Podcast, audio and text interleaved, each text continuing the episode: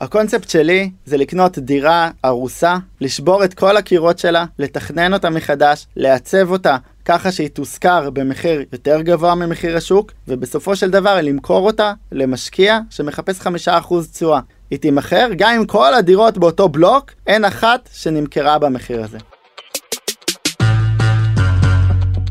היי, שלום לכם, אני גיא ליברמן, עורך הנדל"ן של גלובס, ואתם מאזינים לפרק מספר 12 של כסף בקיר, פודקאסט על אנשים שהחליטו לשים את הכסף שלהם על נדל"ן. הפעם אנחנו עם יואב לרנר, הוא בן 35, נשוי פלוס אחד ובעל תואר שני במשפטים, עוסק בשמרות מקרקעין, והוא גם סופר, כתב ספר על נדל"ן. היום הוא כאן איתנו כדי למלא אותנו בידע על איך עושים השקעות ולמה הוא קורא לעצמו פליפר. כסף בקיר 12, מתחילים. גדלתי בבית של שני הורים שכירים, כלומר כל הדיבור על נדל"ן ועסקים בכלל לא היה אצלנו על השולחן. לא קנו רכב יד שנייה, לא עשו עסקאות, זה דברים שלא קיבלתי מהבית בשום צורה שהיא. אני התגלגלתי לתחום הנדל"ן לגמרי במקרה, זה היה בשנת 2008. הייתי סטודנט בבאר שבע, ולא ממש ידעתי מה אני רוצה לעשות עם עצמי, וזאת הייתה תקופת בחינות, זה היה קיץ בבאר שבע, היה מאוד חם, והייתה לי קבוצת לימוד. ובאותו בניין, איפה שגר החבר עם הקבוצת לימוד, היה שלט צהוב למכירה, שפשוט היה מאוד בולט לעין. כל פעם שעברתי שם, ראיתי את השלט הזה למכירה. עכשיו יום אחד הדלת שם הייתה פתוחה, וראיתי שזה בעצם מחולק לשלוש יחידות דיור. והדיירים שם גם למדו והתחלנו לדבר איתם. עכשיו, הם מאוד התגאו שהם עושים שביתה איטלקית לבעל הדירה, שהם לא נותנים לו להציג את הדירה למכירה. למה הם לא נותנים לו? בגלל שהוא הבטיח להם מזגנים, והבטיח להם דוד חדש, והבטיח להם כל מיני הבטחות, אז עד שהוא לא מקיים, הם לא נותנים לו להראות את הדירה למכירה. באותו רגע, למרות שלא התעסקתי בנדל"ן, לא היה לי שום ניסיון, הייתה לי מין תחושה כזאת של הזדמנות. התקשרתי למספר שעל השלט ושאלתי אותו כמה הוא רוצה על הדירה. הוא אמר לי 700 אלף שקל. אנחנו מדברים על 2008, שאנשים קנו דירות בבאר שבע גם ב-300 ו-400 אלף שקל. ושאלתי את הדיירים בכמה הם uh, שוכרים שם, הכל ביחד הסתכם ל-5200, שלושת היחידות ביחד. אלה ימים אחרים לגמרי, גם מבחינת המחירים, גם מבחינת ההיכרות עם השוק הרותח של באר שבע, ואולי חשוב מכך, באותם ימים ניתן היה לקחת 90% משכנתה, וזה בדיוק מה שיואב עשה. בראש הסטודנטיאלי שלי אמרתי, רגע, היא מכניסה 5200 ואני צריך להחזיר שלוש וחצי כל חודש, מה זה, נשאר לי פה 1,700 שקל בכיס כל חודש. סטודנטים עושים מלגות בשביל 6,000 שקל בשנה, 8,000 שקל בשנה. פה זה 1,700, שבעצם הבנק קונה את הדירה, וזה היה נשמע לי too good to be true. תוך כמה זמן קנית את הדירה, אם נקצר את התהליך? את הדירה הזאת קניתי תוך חודשיים, וגם לא קניתי אותה ב-700,000, קניתי אותה ב-640. והתחברת עם הדיירים שעשו את השביתה? ממש לא. אני ניסיתי, בסוף התחברתי איתם, כן. אבל איך שקניתי את הדירה, הם נפלו לי על הראש עם עוד בעיות שבכלל הם לא העלו אותם קודם. ובאמת לא נשאר לי הרבה כסף בחשבון אחרי שקניתי את הדירה. הלכתי לבנק מסחרי, לקחתי הלוואה, וכל מה שהם ביקשו פתרתי להם. כל דבר, בלי לשאול שאלות. הסוחרים היו מבסוטים, השביתה האיטלקית הסתיימה, ויואב יכול היה להציג את הדירות לסטודנטים הבאים בתור. בשנה שאחרי זה הצלחתי להשכיר לא ב-5200, ב-6200. או. עכשיו, בתור סטודנט בן 25, שכל חודש נכנס לך 6200, ויורד לך משכנתה של 3,500, אה, 600, עם ביטוחים 700, הייתי על גג העולם. הייתי בפלוס של 2,500 כל חודש, עוד לפני שהתחלתי לעבוד. גם הדיירים הבאים מבסוטים, ויואב היה מרוצה גם, אבל זו הייתה רק ההתחלה. שנה לאחר מכן נפל לו האסימון שייתכן והוא עלה על משהו הרבה יותר גדול, בלי שהוא שם לב בכלל. מה שבאמת שינה לי את התודעה, זה כתבה שבמקרה ראיתי בעיתון, יכול להיות שזה אפילו היה בגלובס. זה היה פחות משנה אחרי שקניתי את הדירה, ופתאום אני רואה כותרת ענקית, משקיעים נוערים לבאר שבע בשביל 7% תשואה. באותו רגע שראיתי את הכתבה הזאת, שלפתי את המחשבון, טקטקתי את התחשיב של 6,200 זה מה שאני מקבל שכירות, כפול 12 זה הכנסה שניסית לחלק ל-0.07. וראיתי שיוצא לי יותר ממיליון. אני לא האמנתי למה שאני רואה, אמרתי, רגע, קניתי את הדירה ב-640 אלף שקל, יכול להיות שאני יכול למכור אותה ביותר ממיליון? אין סיכוי כזה. התייעצתי עם הבעל דירה הקודם שלי. הוא אמר לי, יואב, הכי טוב תלך לעיר העתיקה לרחוב הפלמח, כל הרחוב הזה מתווכים, תיכנס, ספר להם על הדירה שלך והם ייתנו לך בדיוק אינדיקציה של מה מימו. יואב באמת עובר משרד משרד ומספר על הדירה למתווכים. הם קצת הורידו אותי מהעץ, אמרו לי נכון, 7% זה מה שהולך היום, אבל הדירה שלך היא מפוצלת, והפיצול הוא לא חוקי. אז אמרו לי, הדירה שלך מפוצלת לא חוקי, בגלל זה אתה צריך לתת 8% למשקיעים, לא 7%. לפצות אותם על הסיכון. טקטקנו שוב על המחשבון, ראינו 900 ומשהו אלף. בשורה התחתונה, הדירה נמכרה פחות משנה אחרי שהיא נקנתה, ב-880 אלף שקל. אם לפני העסקה הראשונה היו ליואב 100 אלף שקלים בצד, עכשיו, אחרי הסיבוב שעשה, החשבון בנק הצביע על 350 אלף שקלים. באותו רגע שאני מממש את הדירה הראשונה, אני הולך וקונה עוד שתיים, עושה להן אותו שטאנץ, משביח את השכירות, אני כבר מבין שהלקוח קצה שלי זה מחפשי תשואה. שתיהן בבאר שבע? שתיהן בבאר שבע. אני מבין שהלקוח קצה שלי זה אנשים שמחפשים תשואה. הם באים לבאר שבע בשביל לקנות דירה משופצת, מרועטת, ממוזגת, מושכרת, ונותנת 7% ב-2008, עם השנים זה ירד. היום גם ב-4.5% קונים. בעצם אתה רוצה להשביח אותה בשביל למצוא קונה שהוא בעצמו משקיע נדל"ן. אני לא מצאתי שום קונה. היה צבא של מתווכים בבאר שבע, שהם הביאו את הקוני תשואה בשיירות. אתה מסתובב ואתה לא מאמין. פשוט מכל הארץ הגיעו לבאר שבע בימי שישי לקנות דירות. כמו שהולכים לשוק, שוק של יום שישי לקנות עגבניות, ככה הם באו לבאר שבע לקנות דירות, וכולם חיפשו אותו דבר. מעסקה לעסקה, יואב גילה את עולם הפליפים. מילה שיוצאת לו מהפה כל דקה בערך. מה זה בדיוק אני שואל? המושג פליפ בא בעצם מאנגלית, מארצות הברית, שם מאוד נהוג להגיד fix and flip. יש על זה תוכניות טלוויזיה, יש תעשייה שלמה סביב זה, ואחרי זה מוכרות אותו. כלומר, flip זה לקנות, להשביח, למכור. בשביל לזהות פוטנציאל ל flip, תחשבו על המערב הפרוע, הטוב, הרע והמכוער. בשביל לקנות בהזדמנות, בדרך כלל אתם תקנו ממישהו או שהמצב שלו מאוד טוב, או שהמצב שלו מאוד רע. אנשים חושבים שלקנות נכס מתחת למחיר שוק זה רק ממישהו שהמצב שלו מאוד רע, שעוד שנייה אה, הבנק מעקל לו, או כל מיני סיפורים. אבל אני יכול להגיד שחלק גדול מהעסקאות שלי, קניתי דווקא מאנשים שהמצב שלהם מאוד טוב, קניתי מאנשים שנמאס להם מהדירה בבאר שבע, שהם עובדים בהייטק ועושים רילוקיישן לחו"ל, שמרוויחים 100-200 אלף דולר בשנה והדירה הזאת לא מעניינת אותם והיא כאב ראש בשבילם, וזה לא כזה עניין אותם אם הם יקבלו עליה 380 אלף או 320 אלף, זה היה אותו דבר בשבילם. אז זה הטוב וזה הרע, ומי זה המכוער? המכוער זה המצב של הדירה שהיא דורשת השבחה.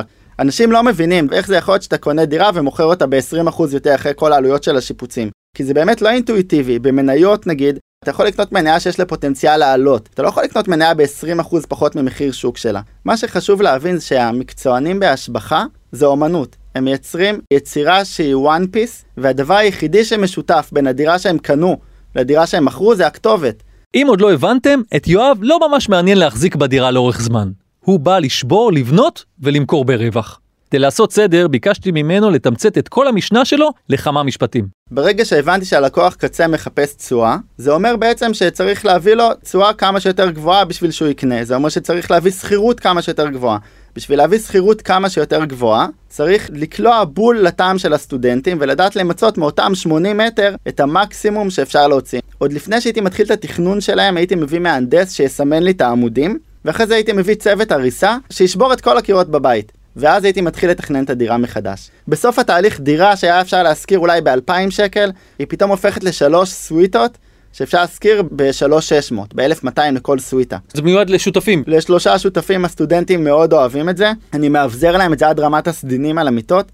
אם אתה מבין שאתה יכול לשים LCD ענק בכל חדר ולקבל עוד 100 שקל מכל הסטודנט בשכירות, זה שווה ערך לעוד 60 אלף שקל במכירה. אלא שלא הכל הלך חלק ליואב. דווקא עסקה שהוא מאוד התלהב ממנה, התגלתה עם השנים כרחוקה מלהיות מוצלחת. אחרי כמה עסקאות כאלה שבאמת זה כבר הפך למפעל של uh, פליפים, אני התגלגלתי לעסקה בבניין שיש בו 4 דירות בסך הכל. שתי דירות בקומת קרקע, שתי דירות בקומה א'.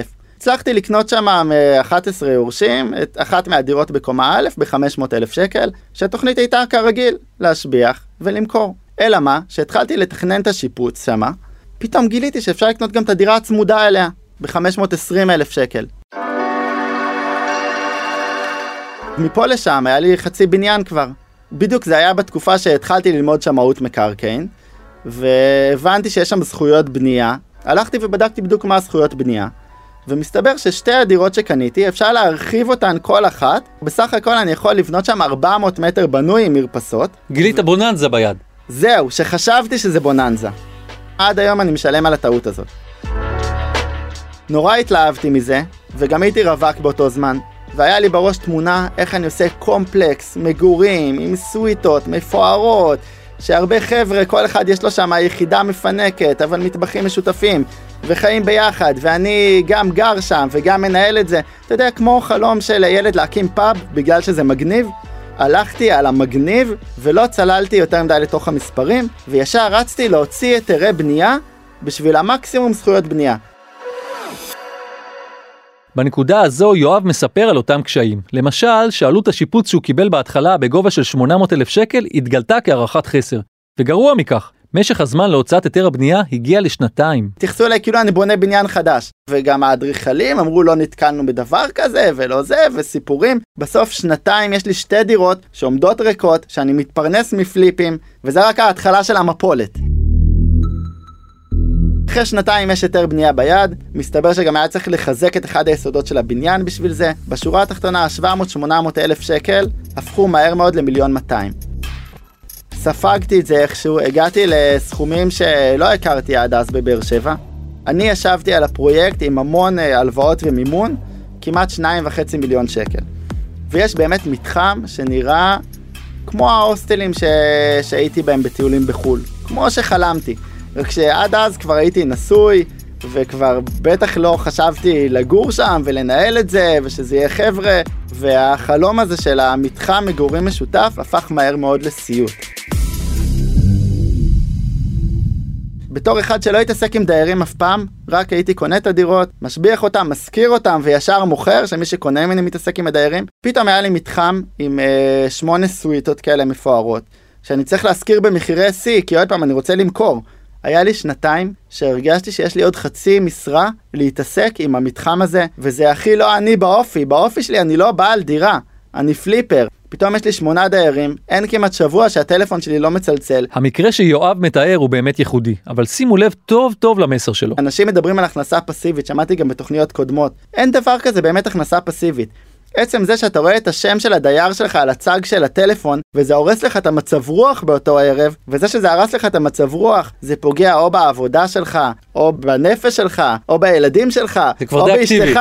אתה רב איתה בגלל שהרס לך את המצב רוח לראות את השם של הדייר, זה לא פסיבי. שתי הדירות הפכו לכישלון מוחלט, אבל לפני כשנה יואב הצליח סוף סוף להשכיר את כל המתחם לעמותה ששכרה את כל המקום לחמש שנים. כל החשבונות עליה, עם שכירות של 13 אלף שקל לחודש, נהיה לי קצת שקט, הייתי בטוח שזה יימכר הרבה יותר בקלות עכשיו, שאין את האתגר הניהולי, אבל אה, וואלה, כל אזור יש לו את הלקוחות קצה שלו, ומה שאפשר ללמוד מהסיפור שלי, תבדוק מי הלקוח קצה, אם אתה פליפר, תבדוק מי קונה ממך.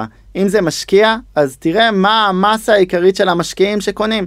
תדע להתאים את המוצר ללקוח, תבין מה הם מחפשים, הם צריך לדעת לטעם של מי אתה קולע. אחרי כמה עסקאות של קנייה, השבחה ומכירה, יואב פתח חברה וגם יצא עם ההשקעות שלו מחוץ לבאר שבע. זה נשמע מפתיע, אבל גם המשקיעים זלגו מחוץ לבאר שבע. בגלל שבאר שבע התייקרה מאוד בגלל הסטודנטים, ועדיין יש פלח גדול של משקיעים, גם היום, שמחפשים דירות ב-300-400 אלף שקל, שמאוד קשה עד גבול הבלתי אפשרי למצוא את זה בבאר שבע. והם נוסעים באמת לדימונה ולירוחם, ששם אפשר לעשות השבחה של לקנות דירה ב-250, להשקיע 50 ולמכור ב-400 נגיד. אבל השיפוט עצמו יכול להגיע גם ל-100, ל-150 אלף שקל, אם אתה שובר הכל ובונה ועושה.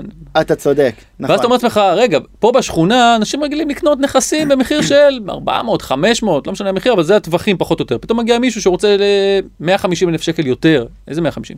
250 אלף שקל יותר, אתה רוצה גם להרוויח. כן. מאיפה יש לך את הביטחון שבאמת תמצא את הקונה הזה שפתאום הוא, הוא, הוא יבוא ויקנה מעל כל כך הרבה מעל מחיר קודם השוק? קודם כל, זו נקודה טובה מאוד, ואני חייב להודות ולהתוודות שאני פועל בניגוד לרוב מה שאני מרצה וכותב. כי כשאני מרצה לאחרים בקורסים שאני מוביל וגם בספר, אז אני בעצם צריך לקחת על זה אחריות.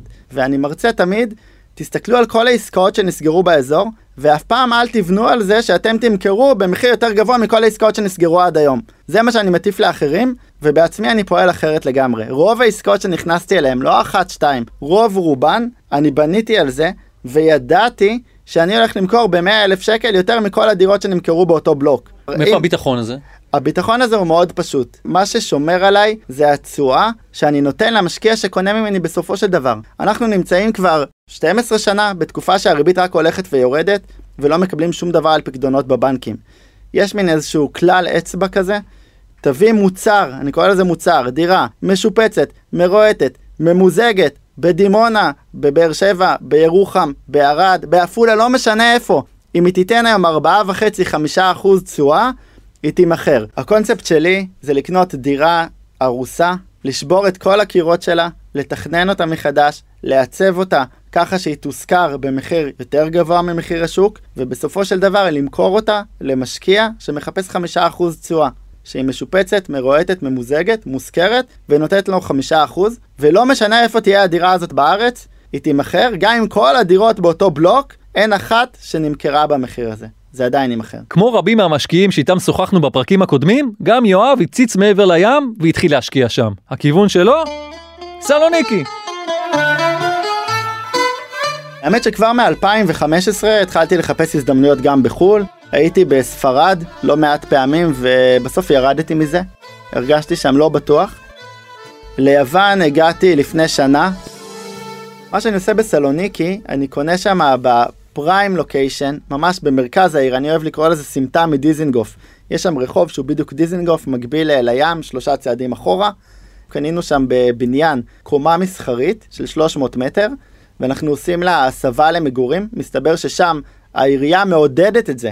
פה בארץ אתה יכול אה, לדבר ללמפות בשינוי ייעוד ופרצלציה. אם ככה, אפשר להבין למה יואב רואה נהירה של ישראלים ליוון. מה שקורה באתונה זה באר שבע 2007-2008. אני יכול להגיד ששליש מהמשקיעים של באר שבע נמצאים היום באתונה. מטוסים מלאים, מלאים, מלאים, אנשים קונים ומוכרים דירות על המטוס בין אחד לשני. אני דווקא בחרתי ללכת על הסלוניקי, שזה שוק פחות רווי, וסלוניקי עכשיו מתחילה להתפתח, ובאמת הרבה מהמשקיעים של אתונה כבר זולגים, אה, פותחים עיניים לכיוון של סלוניקי. תגיד, יכול להיות שמה שהצרפתים עשו לנו, אנחנו עושים ליוונים, שבאו לפה כל המשקיעים היהודים מצרפת, העלו פה את המחירים? לא. לא. לא, כי מה שהצרפתים עשו, הם קנו דירות רפאים. הם קנו לעצמם דירות. אבל העלו את כל המחירים, פתאום אנשים אמרו וואלה אני יכול למכור עכשיו במיליון שקל יותר, העלו לי את כל המחירים, בעיקר בתל אביב, נתניה. נכון, הם, הם, הם העלו מחירים, אבל הם לא תרמו שום דבר לשוק השכירות, כלומר שוק השכירות בארץ עדיין במצב מאוד מאוד קשה. מה שאנחנו עושים ביוון, נכון אנחנו מעלים את המחירים, אבל המחירים יעלו anyway. אנחנו בטח לא הכוח המוביל שם, יש שם סינים ורוסים ובולגרים ואנגלים וגרמנים, הישראלים פה זה נראה שהם אה, משתלטים על יוון. הרסת לי את הפאנץ'. התחלת להשקיע שם, זה אומר שאתה איבדת אמון איפשהו בשוק בישראל? אני לא יודע אם אפשר להגיד שאיבדתי אמון בשוק בישראל, אבל ללא ספק המציאות היום היא לא המציאות שהייתה ב-2008 ו-2009, אבל יש גם יתרונות להיום בישראל. וזה, כן, וזה חשוב לי שכל המאזינים שהם באמת אה, לא מהתחום ו, ורוצים להיכנס לתחום, שהם יבינו את היתרון של התקופה הזאת. כי באמת שומעים אה, פסימיות אה, משוועת בקרב משקיעים וכולם בחו"ל, אבל זה בדיוק היתרון של המתחילים. בגלל שהמס רכישה הוא כל כך גבוה, הוא 8%, וגם החברות, כמוני, שאני פועל כחברה, וגם המשקיעים המקצוענים יצאו מהשוק. כלומר, ב-2012, נכון, השוק היה רותח, היו עליות מחירים, הכל היה, היה אפשר לקבל מימון בתנאים יותר טובים, הכל היה נראה ורוד, אבל הייתה גם תחרות מאוד מאוד גדולה. זה נהיה מקצוענות ברמה של חברה כזאת, יש סיירים שמסתובבים כל היום ומאתרים את המציאות. החברות האלה והמקצוענים, רובם יצאו מהשוק, הם כבר לא עושים כל כך הרבה עסקאות. ודווקא היום, למתחילים, יש יותר סיכוי להגיע להזדמנויות, לנכסים שהם 10, 15, 20 אחוז מתחת למחיר השוק. העיסוק האינטנסיבי של יואב בנדל"ן לא נגמר כאן. לפני כמה חודשים הוא פרסם את ספרו הראשון, נדל"ן סטוץ רומן. הספר מגולל את סיפורן של גילי ורחל שהפכו לצוות נדל"ניסטיות. הוא עלילתי לגמרי, אבל הרבה מהידע בספר שאוב מעולמות הנדל"ן בהן יואב שוחה. כל הזמן שכתבתי את הספר, לא הבנתי שזה כל כך יוצא דופן לשלב תוכן עיוני בספר שהוא רומן ודרמה, אבל מסתבר שכן, שאין ספרים כאלה כמעט. יש שם גיבורה שלוקחת את סבתא שלה ל... יש שם שתי גיבורות. שתי גיבורות, לוקחת את הסבתא לטיול נדל"ני מה שנקרא, הופכות אותה... זה לא בדיוק טיול נדל"ני, לאיזושהי הרפתקה נדל"נית, זה יותר הסבתא לוקחת את הנכדה. ההשראה לדמויות האלה זה באמת מהסטודנטים שאתה הכי לא מצפה שיתחילו לעשות עסקאות באמת בלי ידע, בלי הון עצמי, ודווקא הם כנגד כל הסיכויים עושים. היה חשוב לי לכתוב את הספר כי אני מאמין שבחיים צריך איזשהו איזון. וההתעסקות בנדל"ן, בלקנות, לשפץ, למכור, קבלנים, מתווכים, כסף להרוויח, זה פן אחד, והייתי צריך את האיזון הזה של הכתיבה, שזה עוד פן שקיים בי, שתמיד היה בי, ושהייתי הרבה יותר מחובר אליו לפני שהתחלתי להתעסק בנדל"ן, שהתגעגעתי אליו איפשהו, והחלטתי לשלב בין השניים. עד כאן יואב, ואנחנו ממהרים לשמוע מה יש לאריק מירובסקי, פרשן הנדל"ן הבכיר שלנו, להגיד על כל מה ששמענו כאן. מעניין מה הוא יגיד עליי. אל תדאג יואב, יש לי רק דברים טובים להגיד עליך. וואלה אריק, מה קורה?